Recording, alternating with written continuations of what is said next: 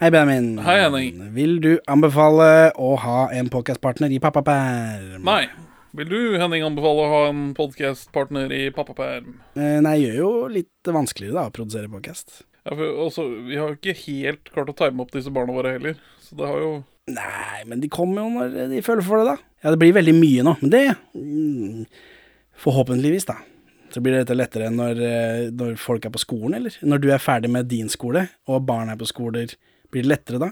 For nå er, nå er det vanskelig. Det, vi har noen harde år foran oss. Ja, altså, jeg har Derav dette TV-greiene og disse jukseepisodene. som- Hvis vi skal levere noe hver uke, så må det nesten bli sånn. Nå må jeg telle Jeg har jo to niåringer hjemme, typ. Ja, men de er på skolen. Ja, bare på dagtid. Ja, men vi har jo også først- fri på dagtid noen ganger, eller? Ja, Det er først når de blir sånn 13-14, tror jeg, at de begynner å underholde seg sjøl på utenfor skoletiden også. Så det er liksom Det er, det er lenge til. Det er lenge til det begynner å ordne seg, syns jeg. Ja ja. Vi får bare prøve å holde ut eh, enn så lenge, og så eh, Ja. Vi går denne 14. dag-greia stygt i møte, merker jeg. Men derav disse episodene. I dag tenkte jeg jeg skulle dra fram Samhold må til. Ja. Det er første gangen du og jeg er ute i verden. Vi er ute i felten for å gjøre pod. Ja, jeg tror det er første gang vi gjør det, og så er eh, denne kinoturen vår er vel andre gang, da, egentlig, selv om for, denne kinoturen Fjols i fjells er første gangen det slippes på internettet. Men jeg mener dette er en av disse som blir spilt inn et stykke før. Det er altså første gangen vi ser en VHS sammen, du og jeg, hjemme, hjemme i min stue.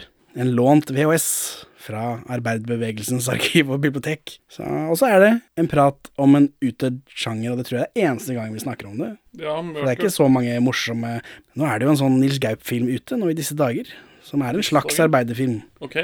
Ja, det handler om eh, Det er noe streik og noe greier i en gruve, er det ikke det? Sulis, Jo, kan det stemme? Ja. Jeg har ikke sett den eller lest noe særlig om det. Bare Jeg tror ikke den, tror ikke den tror ikke den kan gå inn i den gamle sjangeren.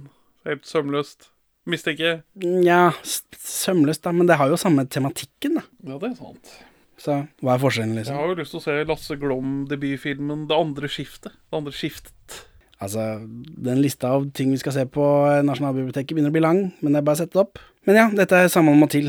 Vi har lånt den, Denne begynner også med en prepod, så nå er det to prepodder på den. Nydelig. Hvor vi er ute i, ute i felt, på ordentlig, med mikrofoner og greier. Mopeder i bakgrunnen, da. Det er deilig. Sjarmerende. Så snurr episode. Kjør på. Sitter dere her og ser på ballet? Er ikke det litt perlig forsvinne? Hæ? Kom inn her så vi kan få snakka. Det er så mye folk der ute. Og så kommer du dissende med en geléklump til middag. Drammen og baklengs inn i fuglekassen. Dette her er jo perleforsvinn!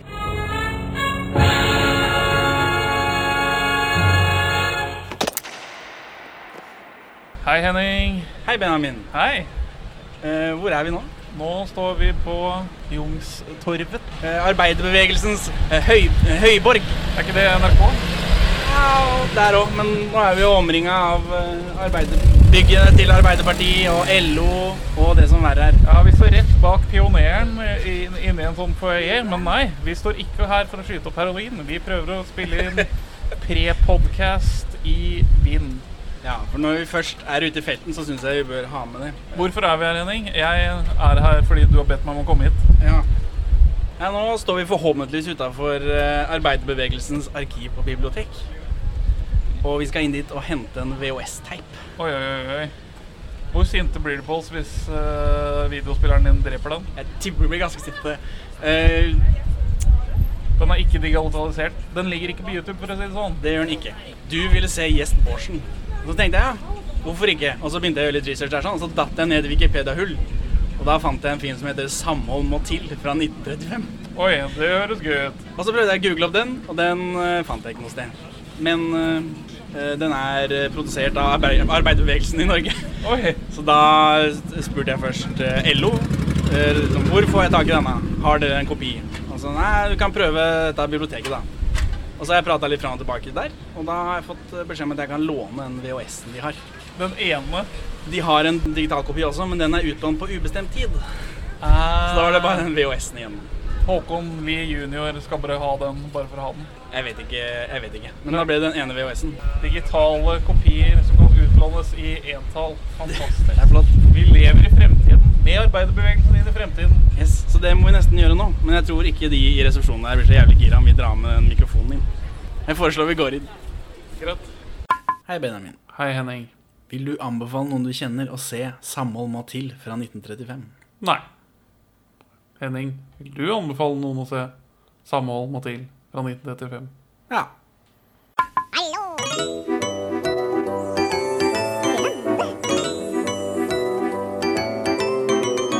Perla for svin.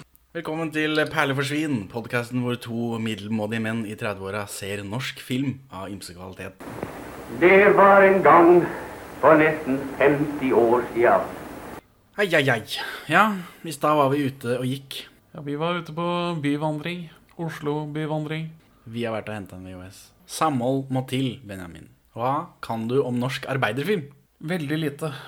Ingenting, vil jeg faktisk si. Eller, jeg har jo sett Folklest bor i Kina, og den har jo et Arbeiderpartiet-segment. Ja, men arbeiderfilmen er vel definert til før 1940. Fikk en brå slutt i 1940 av en eller annen mystisk grunn. Ja, ja. Konstig. Ja, det er veldig rart. Og mycket semskt.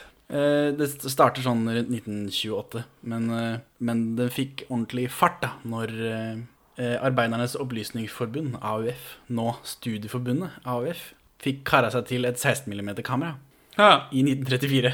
Og da lager de filmer som gærninger. Stumfilmer, da, riktignok. Og dette er den første lydfilmen produsert under denne fanen. Ja, Det er helt riktig.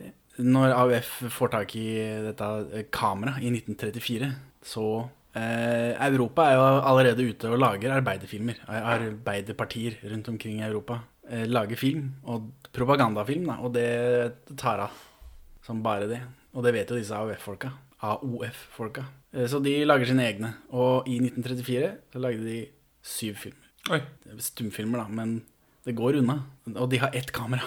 Det blir hardt da. Mange av disse arbeiderfilmene er eh, borte, for de har brukt eh, til å begynne med da, 16 mm, og det, de blir jo slitt.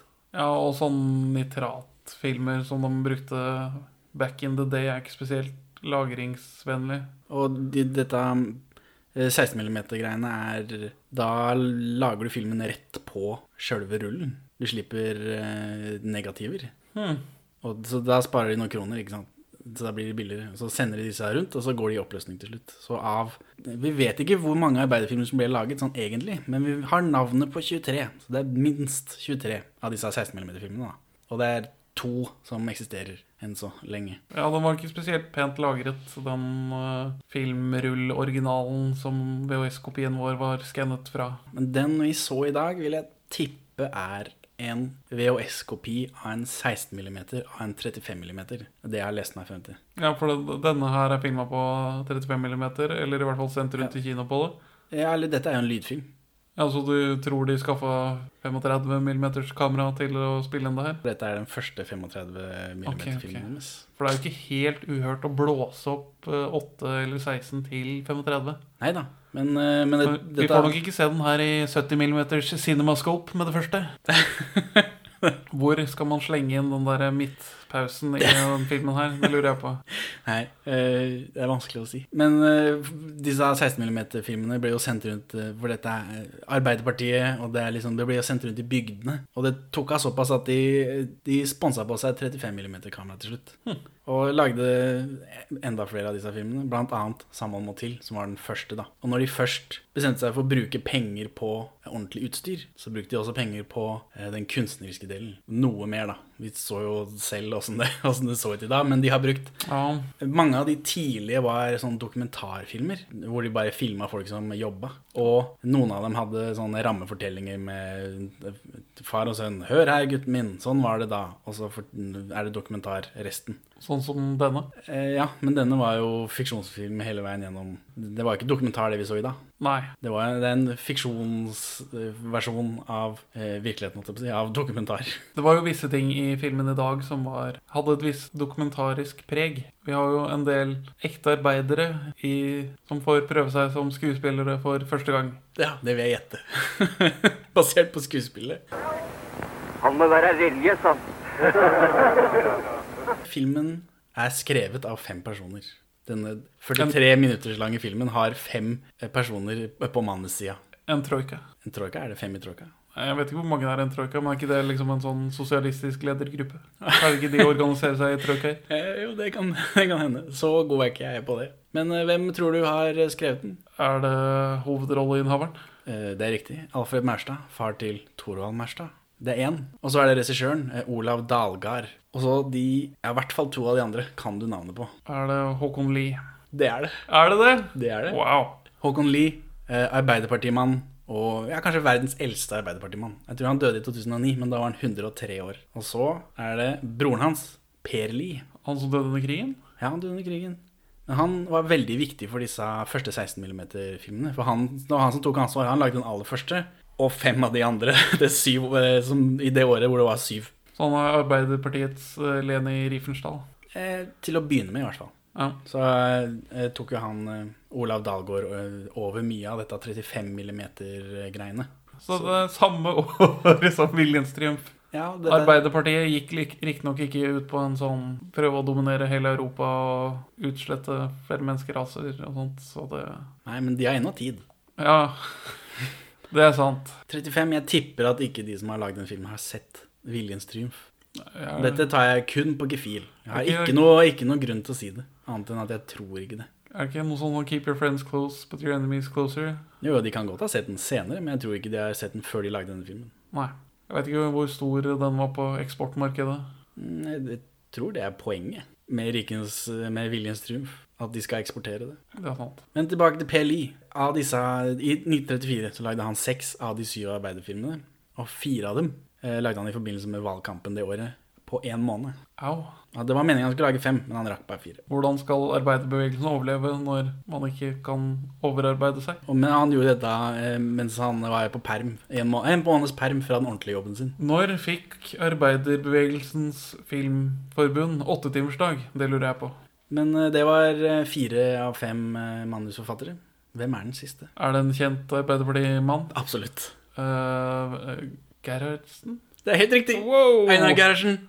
Landsfaderen. Jeg er god på å gjette Arbeiderpartifolk, da, men Ja, ja, ja. jeg velger jo de to øverste. Så det ja, og de, og, og de var med. Vi så denne fordi du ville se Gjerst Borsen. Og så søkte jeg litt opp på den, og så titta jeg litt på Alfred Merstad, og så fant jeg et annet navn i eh, skuespillercastet til Gjest Borsen, som også er med i den filmen her.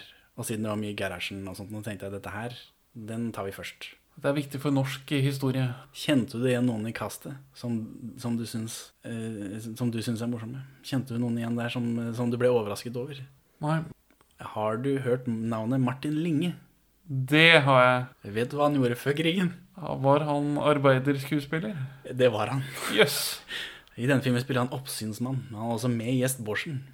Så det var det hullet jeg datt ned i, og så endte jeg opp med denne.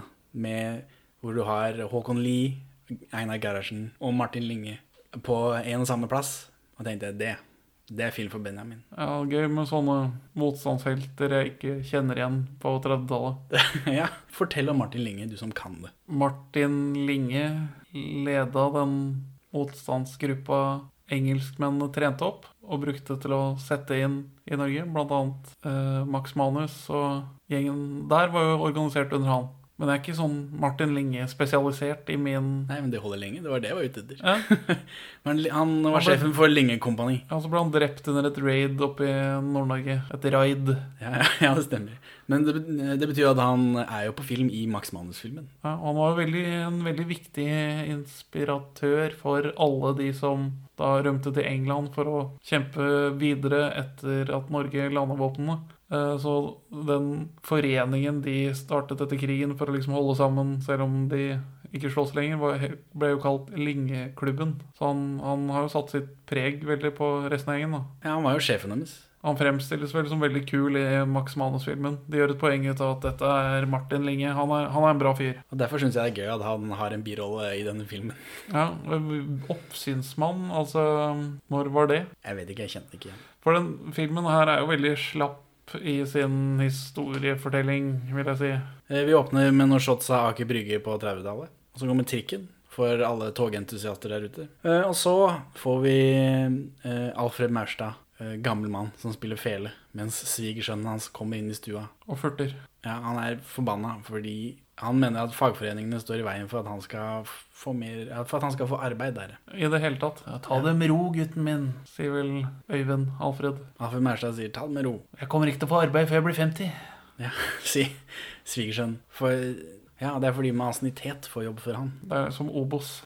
ja, det er sånn fagforeningsopplegg, da. Jeg, jeg tror ikke det funker helt sånn i dag. At du kommer inn bare fordi du har vært i fagforeninga lengst. Du må nok ha litt kvalifikasjoner i tillegg. Det kan godt hende. Det har jo vært en spesialisering i norsk arbeidsliv som du sikkert er godt kjent med. Ja, jeg som er fabrikkarbeider. Fabrikkarbeideren og eh, akademikeren. ja, du som er akademiker. Er det det nye navnet på podkasten vår? Nei, er, er det ikke, var ikke det Smattemannen og okay, Ok, Det er. Harkemannen og Smattegutt. Sånt. Men det får jo ikke podkastlytterne vite, for det klipper vi jo ut. Ah, bare skitt. Fikk du ikke arbeid? Åssen kan det bli noe til vårs når hele gamlehjemmet skal arbeide først? Svigersønnen til Alfred Mærstad slår i bordet med den eh, fagforeningsboka. Som tydeligvis var noe man hadde før. Jeg vet ikke om man har inn i en fagforeningsbok. Sikkert en app. Og så sier han 'hør her, gutten min'. For han er jo i, i grusom old age makeup. Ja, det var, det var ikke helt tydelig om han skulle fremstå som gammel. Nei, Han har skjegg, bare. Det er vel egentlig det eneste. Og denne, ja, jeg vet ikke om det trengs å sies, men den filmen her er svart-hvitt. Og fine farger. I svart-hvitt og fine farger. Så det er ikke så godt å se. Hvis han hadde vært Han er jo mørkere i håret før, men det vet vi ikke, for vi har ikke sett det før. Det eneste vi ser, Vårt eh, møte med eh, Tora Merstad er han hvit i håret. Og har skjegg. Så det er ikke så godt å vite at han skal være urgammel. For han, for han begynner å fortelle en historie om hvordan det var da han var ung, for 50 år siden. Så han skal jo da være 70-80. Ja, kona hans er også der og hekler eller noe annet som en gammel dame. Det er noe symbolikk med noen klokker og noen greier. Er det symbolikk med klokker? For i så fall så bomma de helt. Ja, det tror jeg. For Tora Maurstad får en klokke av Ja. sin far. Eh, Ja, men øh, nevnte vi at vi flasher tilbake nå? Nei. Nå skal du høre, gutten min. For 50 år siden, altså da i 1885 Hvis det er samtidig, dette. Ja. Hvis det er satt til den tiden er filma inn. Man skulle jo tro det. Skulle man ikke det? Jo. Jeg, Jeg gjetter. dette er jo den første øh, norske sosialrealistiske filmen, er det ikke det? Nei, det vil jeg ikke si. Her kjenner du til tidligere sosialrealistiske norske filmer. Ja, altså Den aller første norske lydfilmen er Den store barnedåpen. Hvis ikke det er sosialrealisme, så vet ikke jeg. Det er sant. Gelé til middagen. Det var ikke noe sånt her. Jeg tror ikke det er det i den I den store barnedåpen. Faen får nok syne.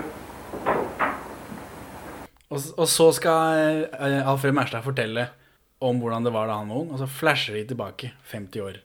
Og da unge, unge spreke, mørkhårede eh, Alfred Maurstad drar fra gården hvor mor og far og masse søsken hjelper han av gårde på veien. De vinker. Han vinker tilbake. Han vinker til masse folk på jordet. De vinker tilbake. Han vinker til folk i et annet hus. De vinker tilbake. Alle leilendingene skal vinke farvel til husmannssønnen som forlater bygda.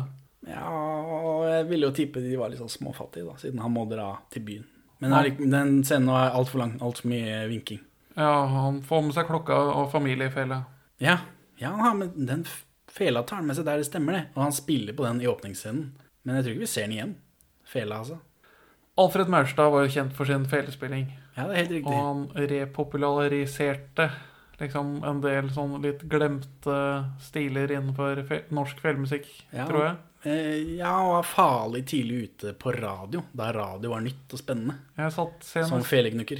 i forrige uke og lytta på en opptakssamling fra han fra Jeg tror opptakene starta rundt 1925 eller noe til 1960 et eller annet. Ja, det kan stemme. Det var på 20-tallet i hvert fall han holdt på. Så det er liksom Det starta med det der feleknukkinga. det er fele og standup som jeg ikke har referanserammene til å forstå, men folk i salen ler.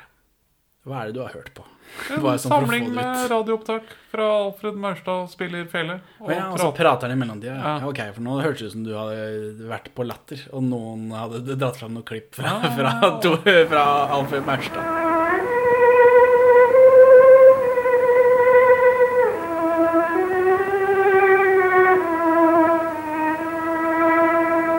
Alfred Maurstad er visstnok morsomt, men jeg skjønner ikke hvordan eller hvorfor. Nei.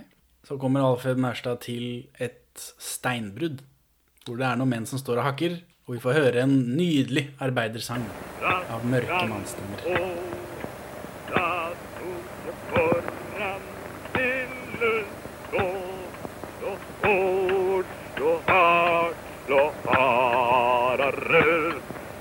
Får med tommen snart. Ja, det var vel den mest utydelige av sangene, for jeg fikk ikke med meg et eneste ord. Ja, det lyden var litt sånn Ja, nå er dette en kopi av en 16 mm av en 35 En VHS-kopi av en 16 mm av en 35 mm. Så det er klart, lyden er litt sånn så som så. Men jeg syns mye av det var til å forstå. Ja. Overraskende mye av det var til å forstå. Men den sangen var litt utydelig. Og det er en del sang her også. Det er et annet sted i filmen hvor de liksom legger historien død, og så har de en sånn musikkvideo. Ja. Omtrent. Eh, Og det har jo sammenheng med at eh, dette er den første lydfilmen da, til eh, AOF. Så når du først har lyd, så, så da skal det synges, da. Og sang fører til solidaritet, er ikke det Jo, det også var jo det, Denne filmen ble jo dratt med rundt på bygder og sånt noe. Og ofte før bygdekinoen hadde fått lydanlegg. Så det var jo en event i seg selv å dra og se på lyd. Høre på lyd. dra og se på lyd. Se se på lydfilm.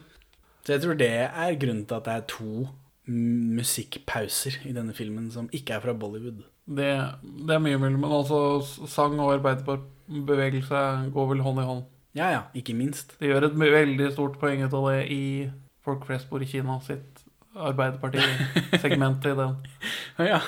Da går det mye i sang. Men ja, det stemmer jo for så vidt. Og de, de synger jo en del sånn ellers også. Men at de bare legger den historien død og har litt musikkvideo, det, var, det stakk seg litt ut, da. Det var litt overraskende for meg at uh, Internasjonalen kunne brukes sånn litt i bakgrunnen. Um, og jo, og en annen låt som går i bakgrunnen der, er den uh, Daisy Daisy-låta fra 2001 Space Odyssey. Daisy, Daisy, give me your answer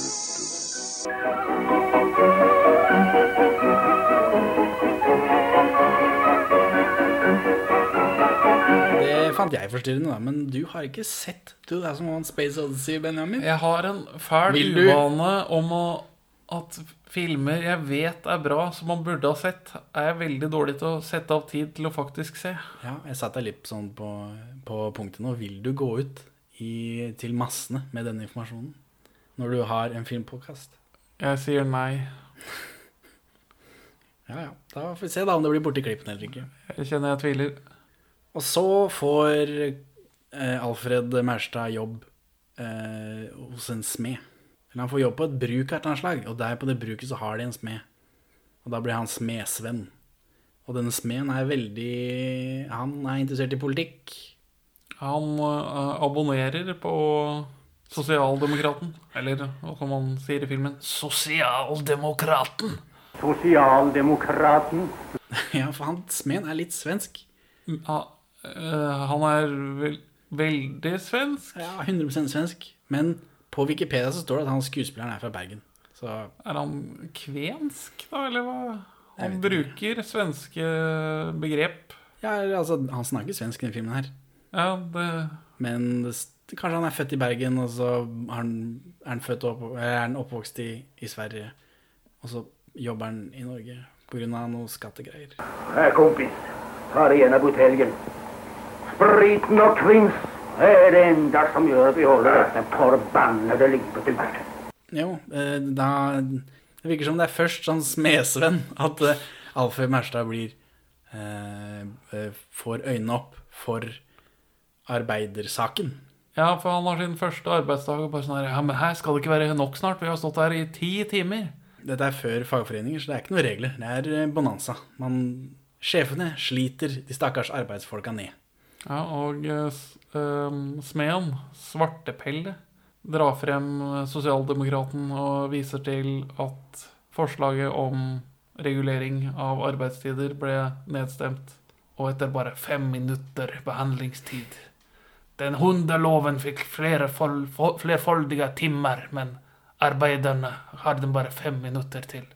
Når tok folkeskole av som eh, konsept i Norge, eller Sverige, da?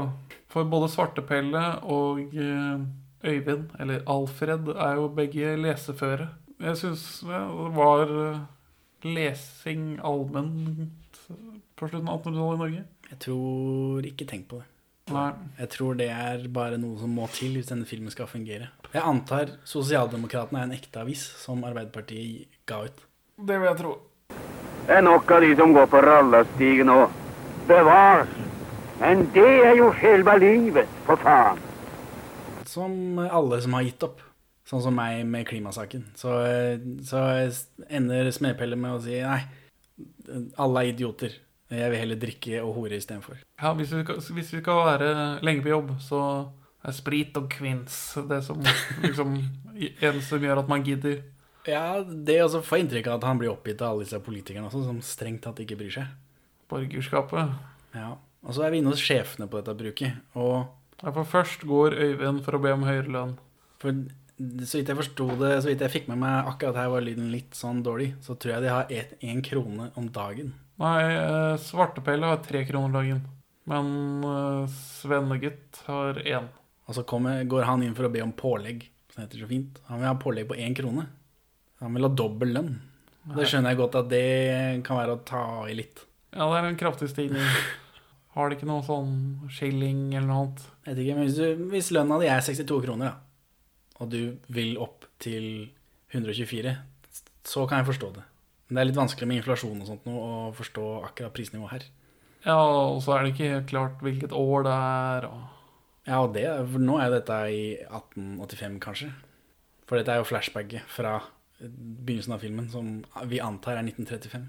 Så han ber om litt, litt meget. Ja, Hvis ikke lønna hans er såpass dårlig at det gir mening å doble det, på en måte. Nei, det er jo en mulighet. For, ja, han Smedpelle har tre kroner. Det er norma. Han, er, jeg, han som er såpass oppgitt, vil jeg anta ikke har supergodt betalt. Nei, så da blir én krone blir ganske shabby. Ja, det må jo være enda dårligere enn det, da. Hva koster en enebolig i 1885? 300 riksdaler. Jeg vet ikke. Koster kanskje 2,50 en pakke knekk. Men så etter at de sender Øyvind på huet og ræva ut uh, døra fra kontoret bare, Ja, For han får ikke det pålegget, selvfølgelig. Det er nedgangstid. Det, er- det er ingen av oss som tjener penger. Det, det føles så kjent. Det er rart, det der. Jeg vil si noe om castingen av kapitalister i den filmen her. Ja, kjør på. Eldre norske teaterskuespillere. Alle i denne filmen er teaterskuespillere. Det var ikke så mye film. Ikke alle i den filmen her er teaterskuespillere. Noen av dem Noen er random folk fra gata. Det Ja, stemmer. Noen er random fagforeningsmedlemmer. ja, jo. Ekte Noen er sjef for de norske hjemmestyrkene i England, så jeg vet ikke, jeg. ja, ja, ja. Om du skal klage på kvaliteten på skuespilleren her. Du likte ikke de gamle, stivpyntede gubbene. Nei, det er jo Eller jo, jeg, litt både òg. Altså, de, de, er veldig tydelige sånne robber barons i deres fremtoning. Ja, jeg husker fra barneskolen eh, at det var, var noe historiegreier om fagforeninga og sånn Dette arbeiderklassegreiene. Og der er det bilde av en fabrikk. eh, Alle folka på fabrikken, da, hvor de står sånn lina opp sånn som vi gjorde på klassebilder.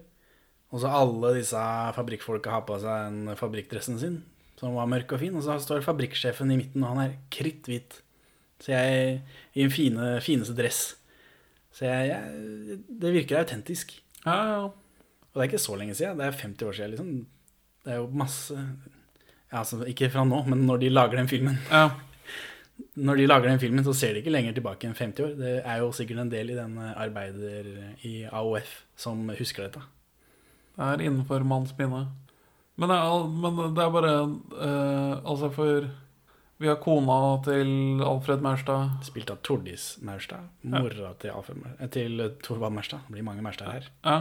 Ja, men ikke mor til Mari Maurstad, bare så det har sagt. Oi, oi, oi. Selv om Alfred Maurstad er faren hennes. Det er 20 år mellom Torald og, og Mari, cirka. Ja, disse Maurstadene sprer sine frø for vinden. Ja, de sprer seg. Men, men poenget mitt er at uh, vi har liksom de middels unge skuespillerne i de to hovedrollene pluss konehovedrolle. Så har vi de eldre teaterskuespillerne. Og så har vi vanlige arbeidere, eller enda lavere nivå norsk teater. da. For det er et par av disse eldre kapitalistene som gjør en ganske god teaterjobb, sånn skuespillermessig i hvert fall. Ja, de eh, spiller til de på bakerste rad. Ja, og, men det er også veldig tydelig at det er eh, sosialister som forakter de som har skrevet manus eh, deres. Men så er det vel ikke så langt unna heller. Hvis eh, på min eh, eh, altfor liberale Twitter-feed, da eh, Når jeg får, leser dette greiene fra Amerika I ditt ekkokammer. Ja. Jeff Bezos og den gjengen er sånn. Det er ikke langt unna. Nei, de, de, de pleier jo ikke å ha fotfeste, disse kapitalistene. Nei. Og det, det gjengis veldig troverdig av Av de gamle teaterskuespillerne. Men så, etter eh, de har kasta Øyvind ut, uh, avvist ham Det er ingen som tjener penger nå, det er nedgangstider, du får ikke en krone til av meg. Så snakker disse denne formannen med brukseieren. Ja, De to sjefene snakker sammen. Ja, akkurat hvilken stilling de har, det vet jeg ikke. Dette, dette skjønner jeg ingenting av, at de skal komme her og stille slike krav. Men eh, hvor, hvor kommer disse tankene fra? Og formannen er kjent med hvor roten av problemet på dette bruket er. At det er denne svartepelle som leser Sosialdemokraten, som driver og sprer disse ideene om at arbeiderne har krav på ting. Eller noe annet. Eller Ja, burde ha krav på ting. Arbeiderne burde ha rettigheter. At de er mennesker, de også. Men det, for det sier de sjefene, men det er før jeg har fått noe inntrykk av han svartepelle som noe oppvigler. For for meg så virket han som om han har gitt opp. Ja, det, altså, han bare snakker med han ene fyren han har på, i sitt arbeidsområde. På kontoret, inne i smia.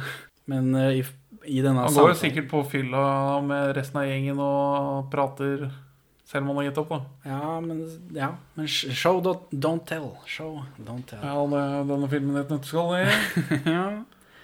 Men, og da tar eh, fabrikkeieren de, de bestemmer seg for å nappe problemet ut med rota og sparke svartepelle. Og da tar eh, fabrikkeieren opp eh, lommeuret sitt, og så drar han hånda langs lenken til det. Som vi da får en, et klipp over til Svartepelle og eh, Øyvind, eller Alfred Maurstad, som driver og fikser en eller annen stor lenke.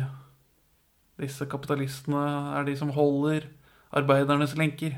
Ja. Veldig, veldig direkte symbolbruk. Men gøy å se symbolbruk i film, som er et visuelt medium. Denne filmen er jo litt amatøraktig på mange punkter. Ja, fordi Ja, den foregår jo i et flashback. Og flashbacket startes med en sånn Hva var det du kalte? Star Dissolve? Sånn Looney Tunes Ja. eh, Ja. Ja, sirkel som utvider seg for å Ja, det er sånn eh, som fulgte med på eh, Windows Movie Maker i gamle dager. 16 mm movie maker. ja, noe sånt. Ja, at den begynner med det, det er nå et kunstnerisk valg, i det minste. Ikke nødvendigvis amatør. Sånn, Star Wars har jo wipes, som jeg syns ser, ser helt forferdelig ut. Det skjærer i meg hver gang jeg får en sånn Moviemaker-wipe fra George Lucas. Men det er et estetisk valg han har tatt. Ja, men det er jo greit for å vise tidshoppet. Det, det gjør det i hvert fall tydelig at nå er vi et annet sted. For filmen tar senere og bare hopper i tid uten å si noe til oss. Ja, flere ganger. Al altså, det, det går en uke der, et år her, to år, Ja. tre år, fem år. Og noen ganger litt sånn ubestemt. Jeg reiser inn til byen, plutselig har jeg en jobb. Så kommer jeg hjem til kona, da har det gått to år. Eh, Men altså er det Flere av disse scenene starter med folk som står helt stille, og så begynner de å bevege seg. Filmrull er ikke gratis. Nei, men de kunne jo klippet ut den biten hvor de står helt stille, da. Ja, men da har man filma det helt i grunn. For så vidt, men da Dette er får du jo en bedre film. arbeiderbevegelsens penger. De skal vises frem hvordan de har brukt. Ja, men da får du jo en bedre film, da. Ja. Om du fjerner de Og noen av Den første gangen så var det ganske lenge også. Et halvt sekund, kanskje. Det er lenge å bare sitte og se. Det legger man ikke merke til når man er på kinoen.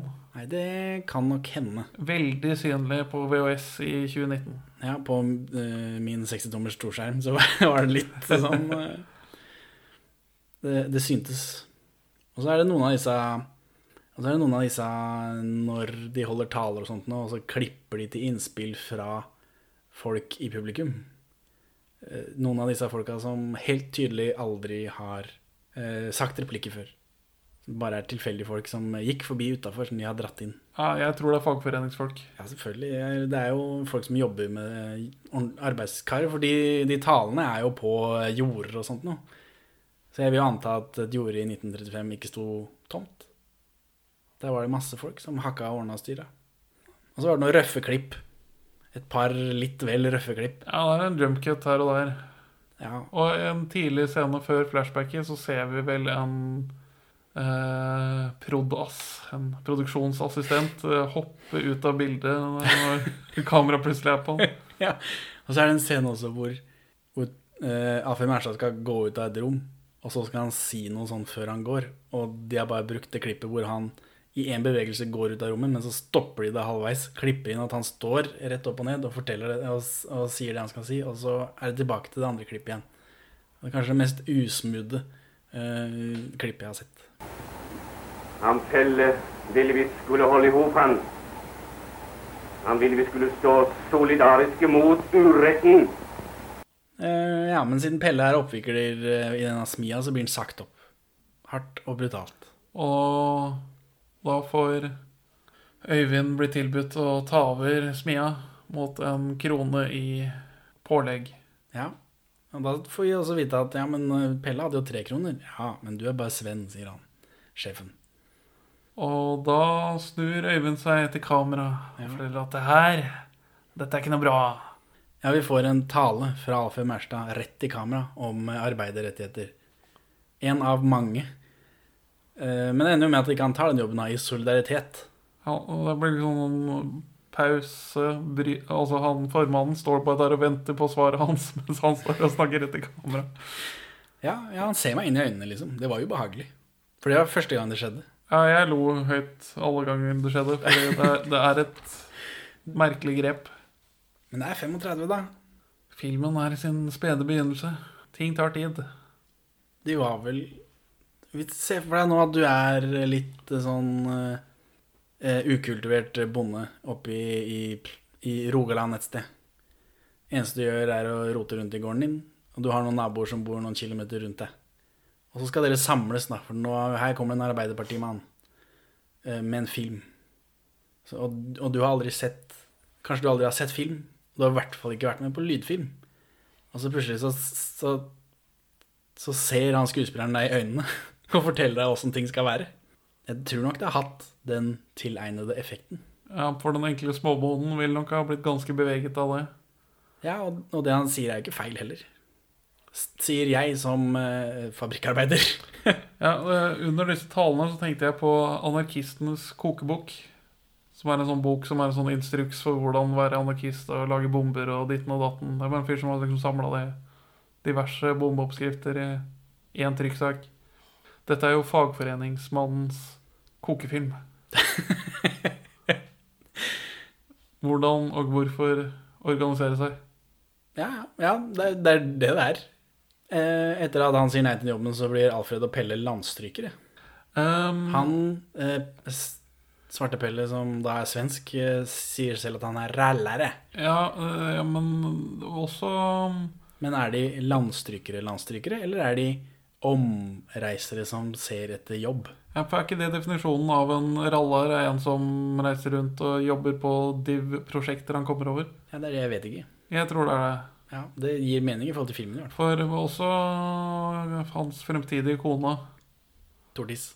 som ikke stoler på hans lovnader. Ja, på en av disse bondejobbene så forelsker Alfred seg offscreen i, i, i, i Tordis. Og så tar han en sånn um, Vi får bare en sånn adjø-scene med de to. Men de har forelska seg Som starter med at de løper, og at han tar en sånn hallingdans-salto. Ja, for han er så forelska, da. Filmens ene stunt. Ene stunt. Ja, tar en sånn eh, Ja, en flikkflakk er det det heter. I wouldn't know. Nei. Og så lover han et eller annet som ikke kommer til frem, og så bare ja, bla, bla, bla, tror ikke på dine lovnader. Ja, ja men nå- nå skal jeg inn til byen, få meg jobb, gjøre slutt på dette rallarlivet. Ja, han, eh, han lover å komme tilbake, og det er det hun er skeptisk til. For det sier alle mannfolk etter at de har fått det de vil ha. og det er en annen ting jeg merka meg i den filmen, her, at det er veldig røft språk. Ja, det det bannes hele tiden. Hva faen er dette for noe? Til helvete med deg! Ja, og skit og faen og helvete og Nå banner jo ikke Tordis her, da, men hun sier jo noe om noe griseri. Var det lov å alludere til sex i det hele tatt på den tida? Dette er vel før en ordentlig filmsensur, og i hvert fall dette som er lagd av arbeiderbevegelsen, kan jeg tenke meg. At det var nok mest selvsensur. Hvis ikke så legger alle kamerafolkene ned kameraene. Vil jeg gjette uten at jeg kan noe om dette. Mye mulig. Men det var overraskende. Det var- virka litt eh, moderne, på en måte. Ja, det, altså, det, det ble jo det sosialrealistiske preget igjen. Da. Ja, for når vi har sett disse filmene etter 40, det, hva enn det måtte være, litt sånn svart-hvitt, så er det ikke Det er ikke akkurat språk jeg kan kjenne meg igjen i. Mens disse fabrikkfolka, de omgås jeg hver dag, kjenner jeg. ja, det var helt nytt for meg.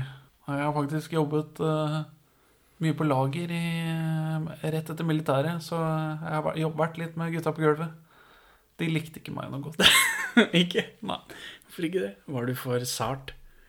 Nei, der jeg sto i pakkelinja, så var jeg veldig god til å eh, regne på forhånd hvor mye jeg kunne få plass til i én kasse. Så jeg tok gjerne, hvis det kom mye som skulle til ett sted, så pakka jeg kassa så den ble sånn 100% full. Som et sånt Tetris-spill. Og da var ikke det noe gøy å løfte over på lastebil. Jeg tenkte jo bare å dytte den over båndet. Så jeg ble trua med juling ikke én, men to ganger pga. at jeg gjorde det. Dette er jo begynnelsen til opprør. Alfred sier adjø til Tordis. Hun er skeptisk. Men han er glad og fornøyd, så jeg regner med den samtalen gikk sånn som han håpet. Og så drar han og Svartebelle inn til byen. Og da, men, men før de kommer dit, så da kommer den andre eh, musikkvideoen. hvor de synger arbeidersang. Og ligger litt i gresset, han og eh, Alfred Mærstad og, og Svartepelle ligger litt i gresset og synger.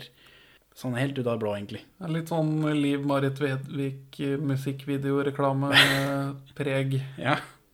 Men så, og så jobber de på et jorde sammen med masse andre folk, og så er det noe felegnukking, og så er det noen folk som danser samtidig som det er folk som jobber på dette jordet. Og da kommer det en fyr som selger Sosialdemokraten. Avisa Sosialdemokraten. Han holder en oppildnende tale.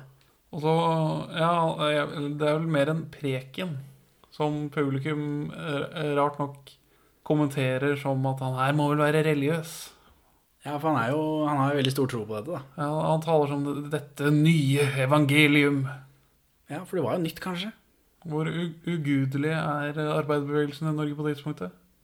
Det vet jeg ikke, men det er vel sånn passe. Men det er vel det at han tror veldig på dette, som for disse folka som jobber på jordet, er helt uh, uh, nytt og uoppnåelig.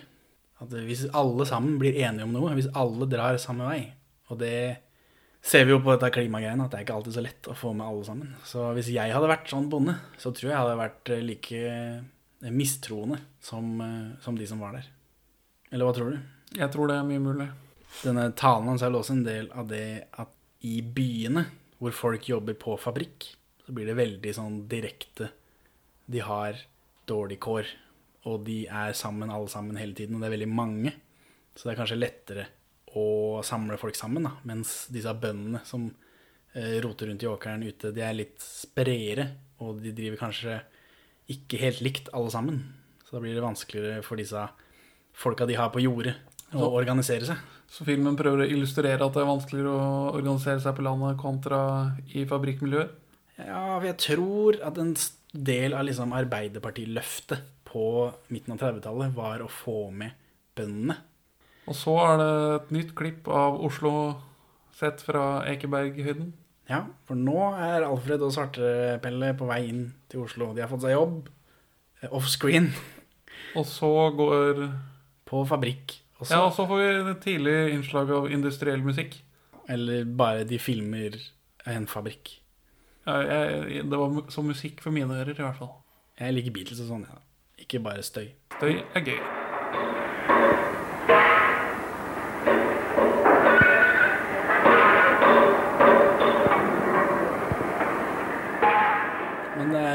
Dårlig med HMS, syns jeg.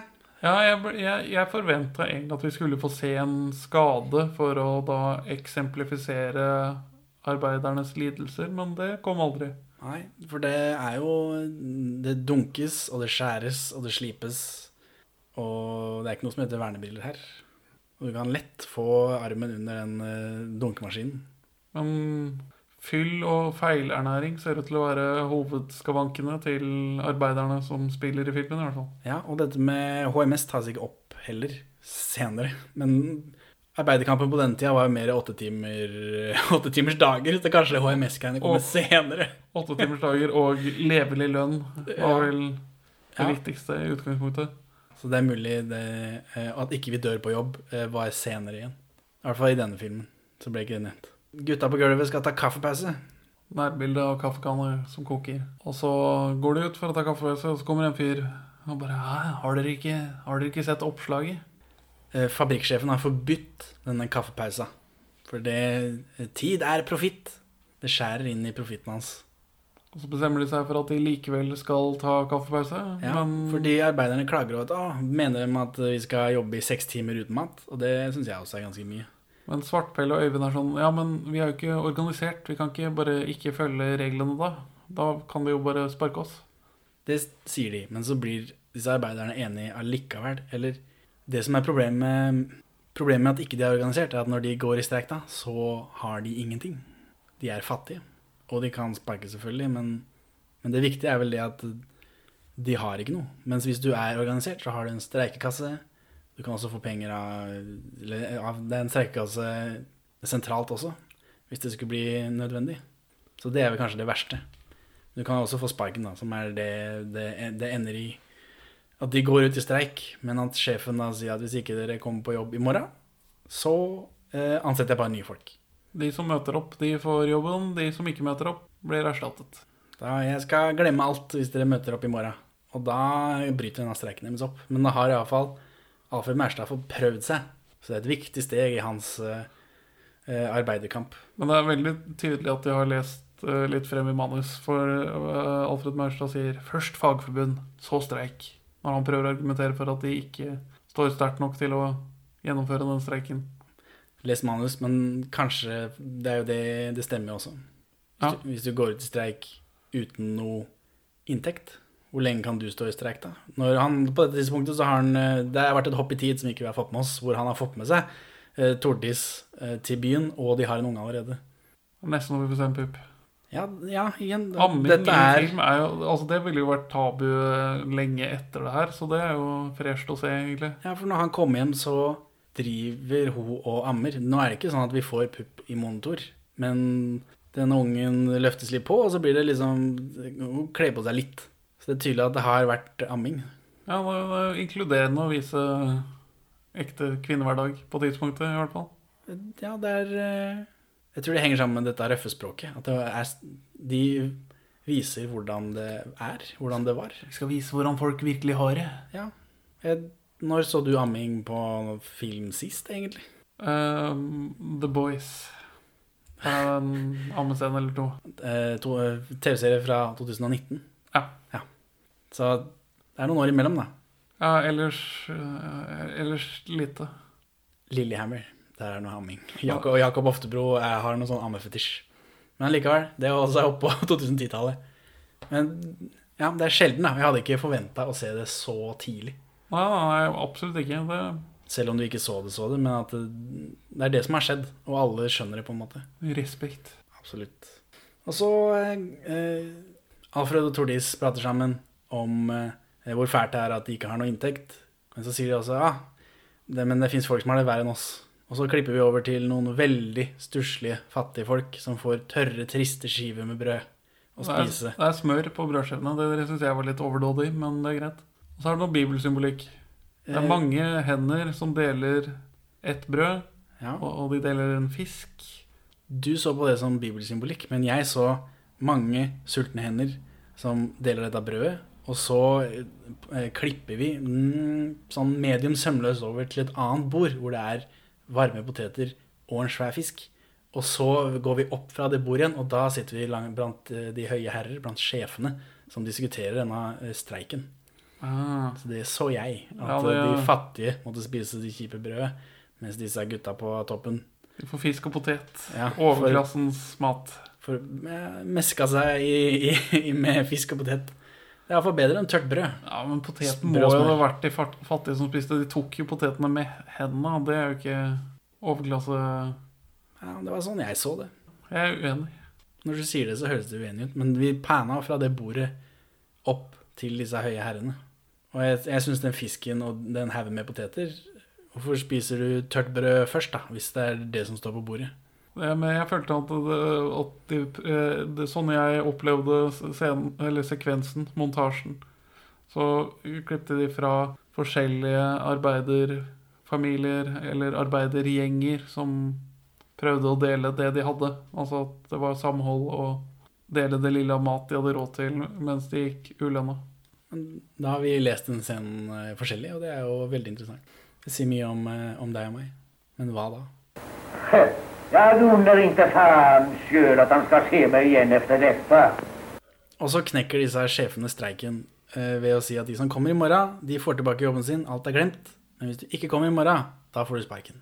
Og da, da bryter streiken sammen, fordi folk eh, har munner å mette. Noen har solgt senga si. Og noen selger alt de, alt de har, og får 2,50 eller noe sånt for det. Lett for deg å si som ikke har så mange unger hjemme som skriker etter mat. Og det, er, og det er forståelig at du må på en måte ha en inntekt. Jeg tror Alfred Mærstad også går tilbake til jobb. Ja, for det, det er Han også må gi etter for, eh, for dette. For svartepelle går tilbake til rallarlivet. Ja, han, eh, han lever etter litt, eh, litt andre verdier, kanskje. Jeg vet ikke. Han, han, ja, er, skal han, gå tilbake til Høga nord. ja, han er en maverick. Hvor Høga nord er enn det, vet jeg ikke. Nei, det er vanskelig å dialektfeste, i hvert fall. Jeg vet ikke, Det er mulig det er noe som ga mening på 30-tallet. Jeg skal hjem til Kiruna. Jobbe i malmgruvene. Men det er noe snakk om at neste gang skal det bli annerledes. For nå tidshoppes det vel igjen. Ja, men det eh, hin- hintes vi til at uh, Alfred Mærstad tar lærdom av dette. At uh, nå, neste gang må vi gjøre det ordentlig. Ja, for Svartepelle prøver å si at hvis det kommer noen streikebrytere for å prøve å ta disse jobbene, så skal han denge de. ja. Men det er ikke de andre for. Dette er ikke voldelige streikere. ja, og de Eller de har kanskje ikke krefter til å slåss lenger. Ja, for de er så sultne. Jeg vet, jeg vet ikke, det går mer ut på det at uansett hvor mange streikebrytere de banker, så får ikke de lønn. Arbeiderne, altså. Nei, men de kan jo spise streikebryterne. Ja, det Kannibalismen står jo sterkt i, arbeiderbevegelsen i Norge. Men, eh, men det blir ikke tatt opp her. Jeg tror de liker å holde litt sånn under bordet. Jeg tror ikke det kom før, eh, før etter Gerhardsen, jeg, kannibalismen. Det er sånn rundt Stoltenberg. Stoltenberg II-regjeringen. Da kom kannibalismen til Ja. sosialdemokratiet. Å ja.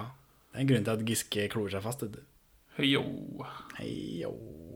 Gjesten på Knut Nærums lag sitter på Stortinget for Arbeiderpartiet. Er det alt?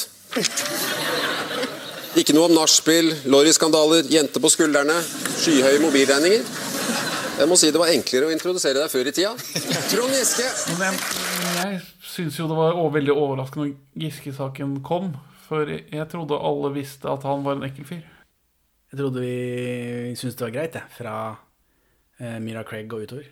Ja, Var det liksom ikke etablert at Giske var en tafsegutt? Jeg vet ikke. Det var Trond Giske. Giske? Han heter faktisk Giske. Jeg også trodde det var Giske, men han er fra den øyen som ligger utenfor Ålesund, som heter Giske. Du, unnskyld meg. Er du den eneste i hele Norge som ikke vet at han er viden kjent som en fittesnikk? Men dette her blir vanskelig å flette inn i podkasten. Ja, enig.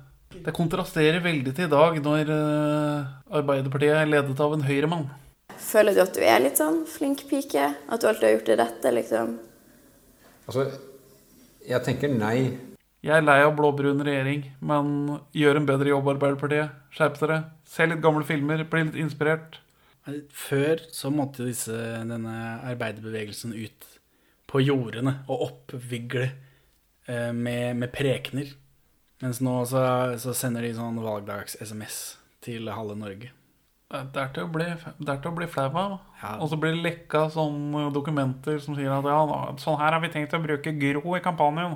For våre, våre målinger tilsier at uh, folket fortsatt respekterer Gro Harlem Brundtland. Ja, vi har ikke noe sosial kredibilitet lenger. Vi må bruke Gro sin. Vi tar en uh, gamle Bertha som er redd for mobilstråling og ruller henne ut i Faraday-buret sitt. Gro Harlem Brundtland som sitter på God morgen Norge med sånn aluminiumsfoliehatt og snakker om hvordan Sylvi Listhaug er en dust. Men den eh, valgdags-SMS-en, det likte jeg ikke. Nei, det er ikke greit. Nei, det er ikke det. Da ble jeg ordentlig grinete.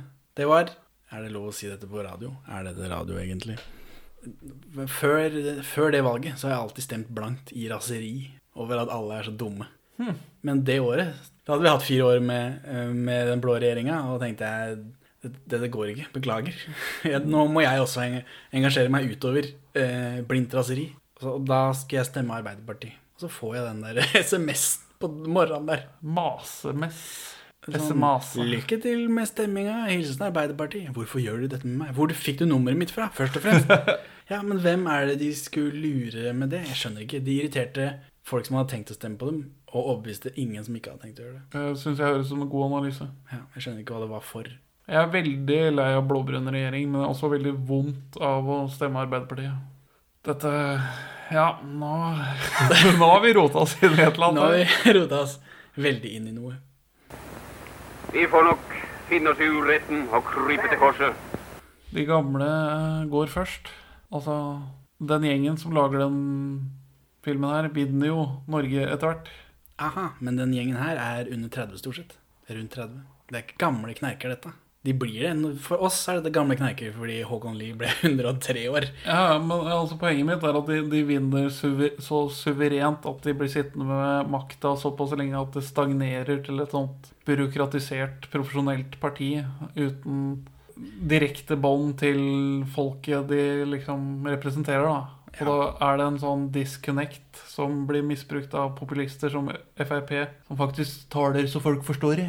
Hvilke Arbeiderpartipolitikere har vært noe annet i livet enn politikere? Det er vel kanskje det som er problemet. Sånn, Einar Gerhardsen var jo lærer, og flere av disse var jo med på å starte fagforeninger. Nå vet ikke jeg hva Jonas Gahr Støre har gjort før han begynte med Arbeiderpartiet, men det er fordi han alltid har vært i Arbeiderpartiet. Akkurat han har jeg ikke noe inntrykk av. For maken til Vass Hyssing har jeg ikke sett. Vass hyssing. Er det et Mosse-uttrykk? Nei. Ikke hørt før. Det er noe jeg coiner nå. Uh, Vass Hyssing TM. Men allikevel. Poenget står. Jeg, jeg, kan, jeg aner ikke noe om han. Jeg vet uh, Folk sier han er veldig rik, og det blåser jeg i. Så lenge det blir mindre vikariater i arbeidslivet. Men uh, ja, nå står det utenfor regjering, da, men det virker ikke som Per Sandberg har min utdannelse og arbeidserfaring, og det irriterer meg veldig. Hva har jeg? Sånn som jeg har ikke lest et partiprogram i hele mitt liv. Så man ser jo ikke lenger en snøscooterkjøring og, og større kvote. Og så, og så henger det noen sånn skattegreier bakpå at de skal selge togbanen og sånt nå.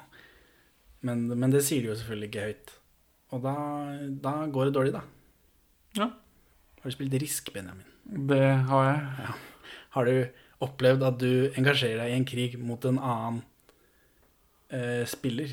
Hvor du kaster bort alle dine ressurser, og han kaster bort alle sine ressurser, mens den tredje spiller tar over resten av kartet? Jeg er som regel den tredje spilleren. Ja, fint for deg, men dumt for oss som sitter her med bompengekamp, mens kanskje to generasjoner fra nå av, så går det ikke an å leve. Ja, det, det er litt dumt av oss. Hva har dette med samhold må til å gjøre, da, Benjamin? Uh, Vi må nei, stå vi har, jo, sammen. vi har jo blitt litt engasjert av å se filmen, da. Traust og tidshoppende som den var. Ja, fordi nå har vi kommet så langt i historien at Alfred Mærstad lager fagforeninger. Og har fått to barn til. Og Ja. trebarnsfar blitt. Ja, og da får vi brått en titt innom eh, hjemme, og da er det tre barn der. Men dette det fortelles jo som en smooth fortelling. Det er ikke noe, det kuttes ikke såpass at jeg skjønner at aha, her har det skjedd et hopp. Vi får ikke flere av den der eh, Moviemaker-overgangen, den rundingen. Nei, for, det, for det, det, også om de hadde De har liksom valgt en litt sånn eventyraktig måte å fortelle det på, hvor det, det bare flyter naturlig selv om det skjer tidshopp. Men det blir, blir litt forvirrende noen ganger. Kunne bare latt være å vise disse ungene, så hadde ikke jeg skjønt at jeg hadde hoppa i tid. Og jeg tror ikke jeg hadde tapt noe heller.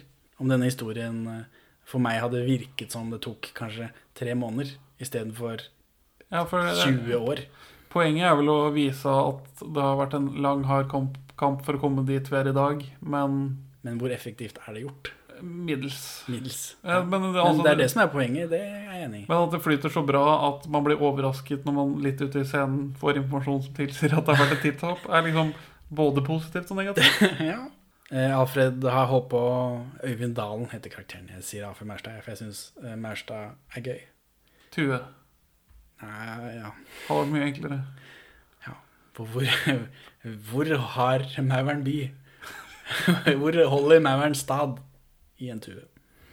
Så det var den vitsen forklart til alle mine dumme lyttere.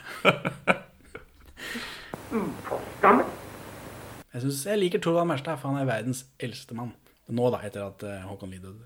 Og han holder på ennå, liksom. Jeg syns det er gøy at han, han, holder, han holder koken. Men uh, Han sitter der i stolen sin og er pegent. Ja, ja. Selv om han har knekt bein og har slag, og det er liksom ingen måte på. Men han gir seg ikke. Men nå er det snakk om far. Far til Torvald, Alfred. Når vi ser at han har fått tre unger, så har han holdt på med dette fagforeningsgreiene lenge. Og nå har det gått såpass at alle er på samme side. Han har fått med de flesteparten. De nevner senere at det er syv stykken som ikke er med i fagforeninga.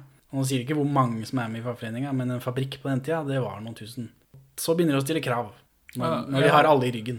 De har jo et stiftelsesmøte for denne fagforeningen for dette verkstedet eller fabrikk.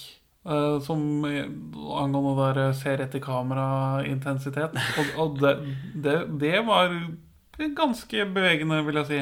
Altså, Men jeg ble sugd rett ut av det av disse eh, replikklesende fagforeningsmedlemmene. Ja, de kutter til noen folk der. Da, Men selve Maurstad sitt uh, sin patos der er ganske intens. Ja, sin oppildne tale. Ja, for vi har jo hans metamorfose fra misfornøyd Sven til eh, tillitsvalgt.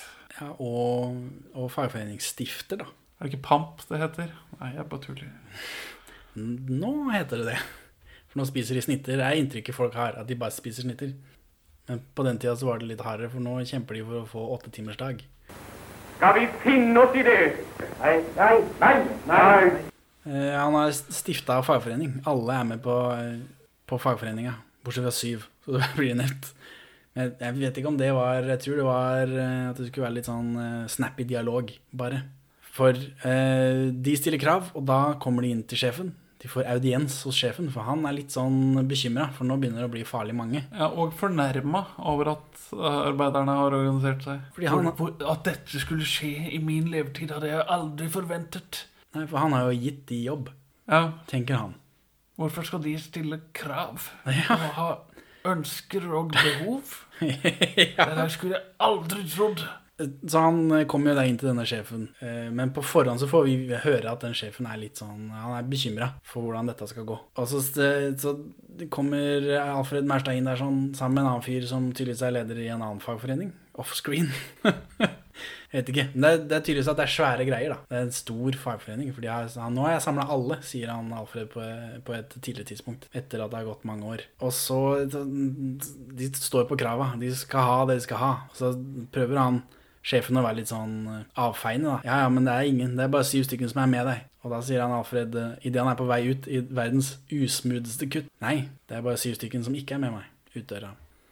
Flokkimmunitet. Men sånn, han sier til sin formann at han, greit, jeg, vi tar og møter de. Og så har han et møte hvor de ikke diskuterer kravene deres. Ja, for de krava skal de ha.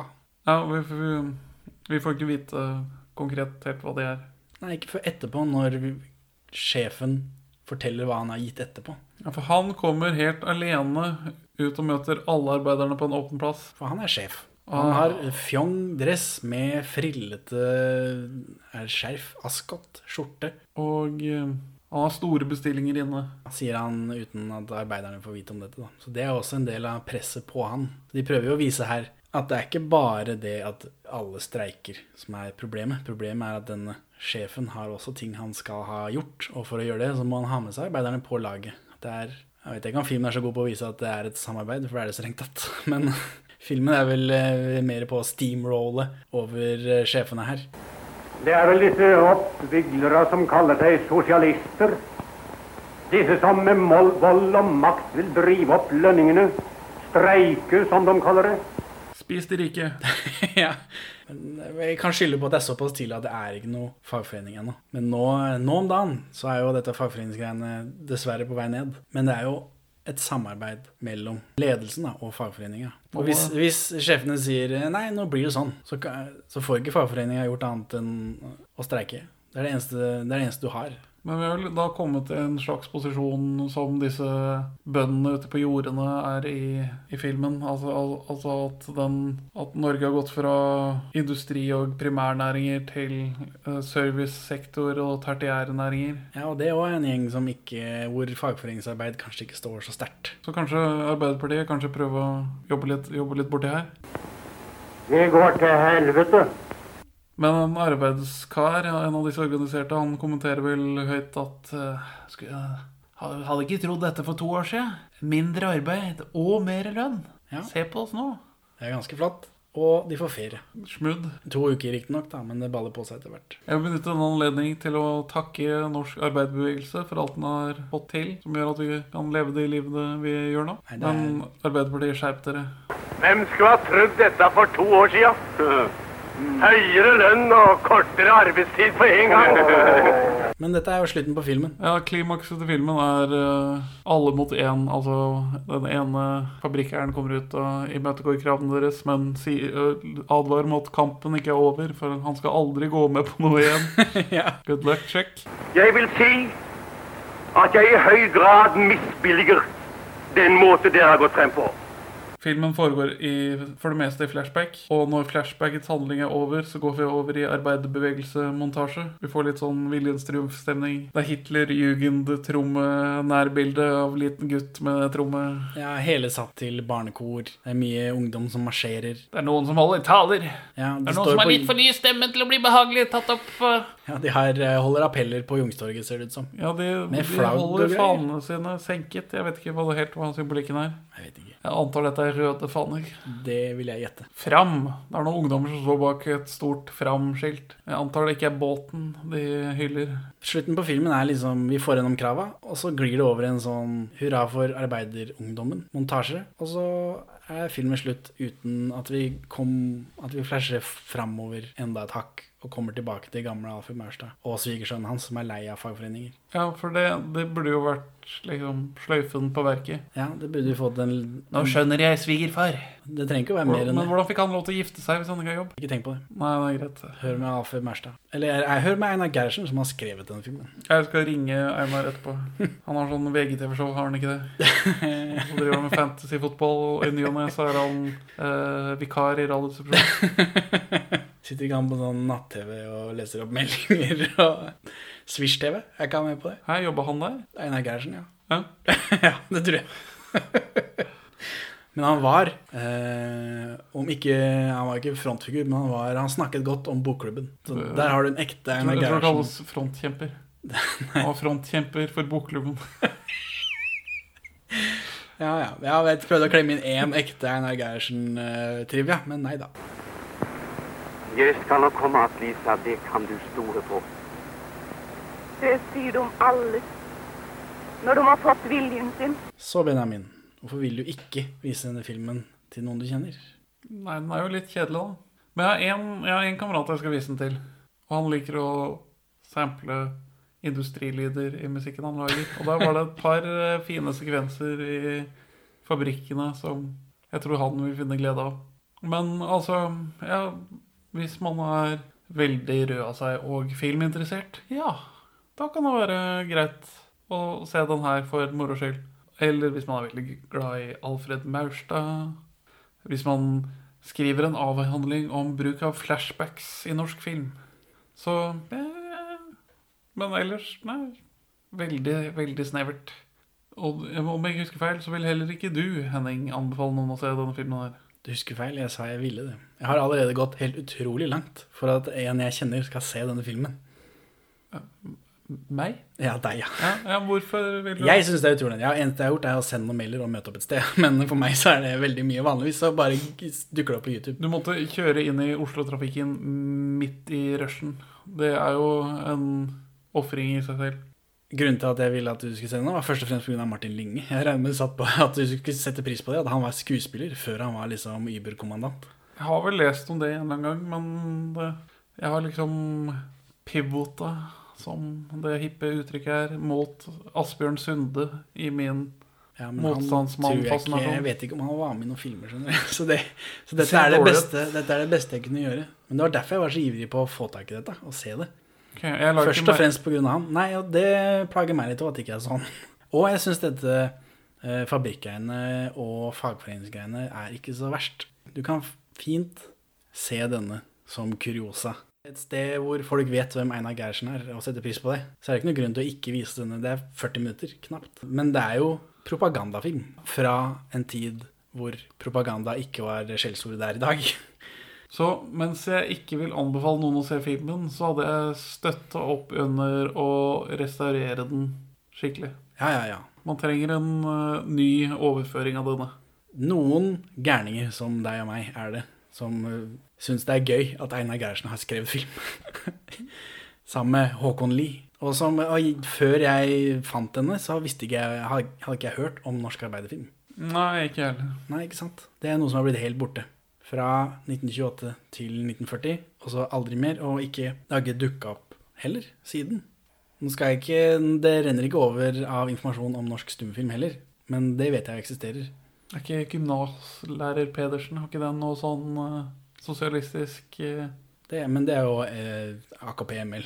Det er en litt hardere gjeng. Ja, det er sant. Maoister. Så de følger en litt annen lederstjerne enn eh, Einar Gerhardsen. Einar Gerhardsen. Norges Mao? Spørsmålstegn. For meg Nei, Einar Gerhardsen var et mye flottere menneske enn elendige Mao.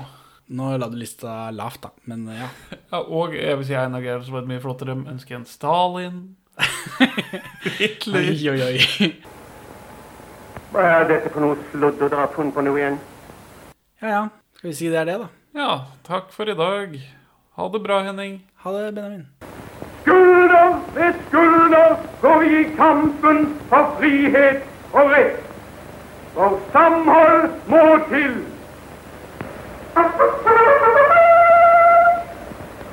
Skyt meg, Benjamin. Gjorde jeg noe gærent? Nei. Hvorfor får ikke jeg til dette? Det er vanskelig, da. Du, drikker ikke.